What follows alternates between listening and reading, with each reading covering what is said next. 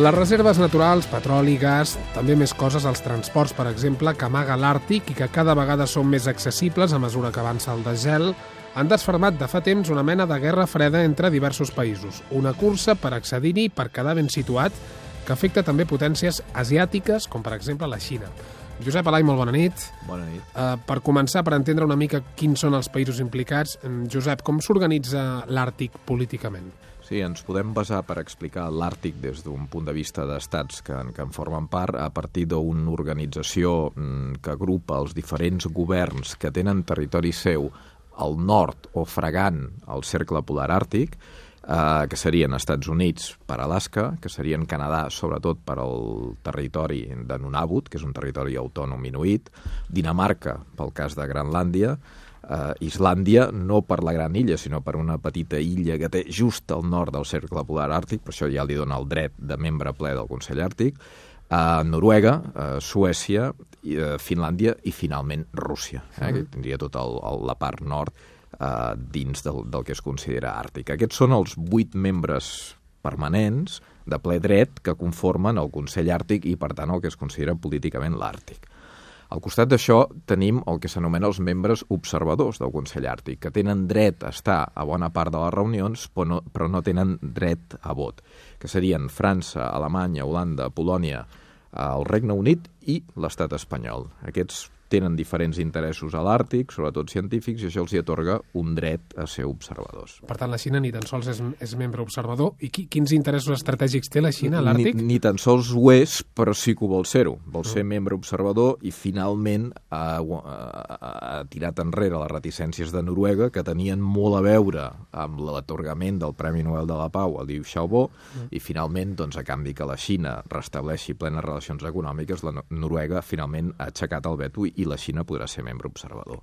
Clar, respecte als interessos de la Xina a la zona, es basen bàsicament en interessos eh, en recursos, recursos naturals, tenim petroli, tenim gas en quant a combustibles fòssils i després tenim minerals molt importants. Tenim sobretot, eh, darrerament s'ha descobert grans dipòsits de zenc, coure, terres rares, urani, tots ells doncs, eh, materials molt importants per l'indústria, per exemple, d'electrònica o la indústria nuclear, i finalment hi ha un darrer interès fonamental en tot aquest joc, que és el transport marítim, el transport de mercaderies, que amb el desglàs que està patint l'Àrtic, ara mateix doncs, eh, agafa un potencial enorme perquè estalvia recorregut, temps i diners per passar d'Àsia cap a Europa. Mm. Parlem d'alguns d'aquests països àrtics, no sé, per exemple, Rússia, Islàndia, eh, el Canadà.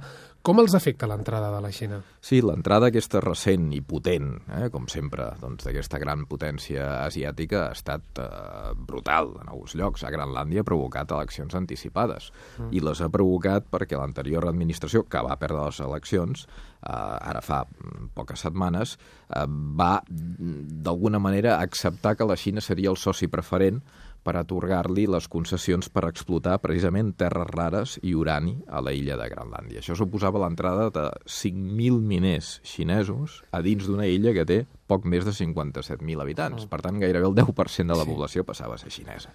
Ara, a canvi de l'atorgament d'aquesta concessió, són molts diners els que rebia Granlàndia. I Granlàndia, recordem que té un pacte tàcit amb Copenhague, amb Dinamarca, perquè quan assoleixi prou recursos que igualin les subvencions daneses a Nuuk, a la capital a Dinam a, de Granlàndia, aleshores podrà exercir el seu dret a l'autodeterminació i independitzar-se. I amb això ja corre totes les forces polítiques granlandeses. Per tant, necessiten entrada de diners i en aquest cas els xinesos són els que paguen el comptat i ràpid. Mm. Ara, això té conseqüències, evidentment, fortes de població, mediambientals, etc etc que li han fet perdre les eleccions precisament a l'anterior primer ministre. I la nova primera ministra, Aleka Hammond, és la que ha dit que s'ho tornarà a mirar, que tornarà a negociar aquest possible pacte amb la Xina, però tot segueix encara, de moment, endavant. Per cert, a la Xina li interessa molt les terres rares de Granlàndia perquè ells tenen el monopoli de les terres rares que mm. les tenen sí, amb, alguna vegada, sí, sí. a Mongòlia interior a la Xina. Mm. I, per tant, eh, volen seguir-lo mantenint i, per tant, fer-se càrrec de, de les de Granlàndia. A Canadà, el mateix, en el territori de Nunavut, tenim unes mines, eh, que són les mines eh, d'Isoc, eh, que són de zenc i coure, i que, a més a més, els xinesos fa, tenen un projecte per unir aquestes mines just al mar, construir un port i des de l'Àrtic, d'aquest port de l'Àrtic, treure també els recursos minerals. Això hi ha discussió encara amb el govern del Canadà si els hi atorga o no la concessió. I així hi hauria un llarg etc. Rússia acaba de donar a Xi Jinping, el nou president de, de la Xina, en el seu primer viatge, viatge a l'estranger, sí. exacte, es reuneix amb Putin, i el primer acord és atorgar concessió per d'augment per explorar recursos de petroli i gas al mar de Barents, a l'Àrtic. Uh -huh. És a dir, un conjunt eh, d'efectes de, de, que s'estan notant a tots aquests països. A banda de l'Àrtic, eh, no seria el nord d'Europa l'objectiu de la Xina?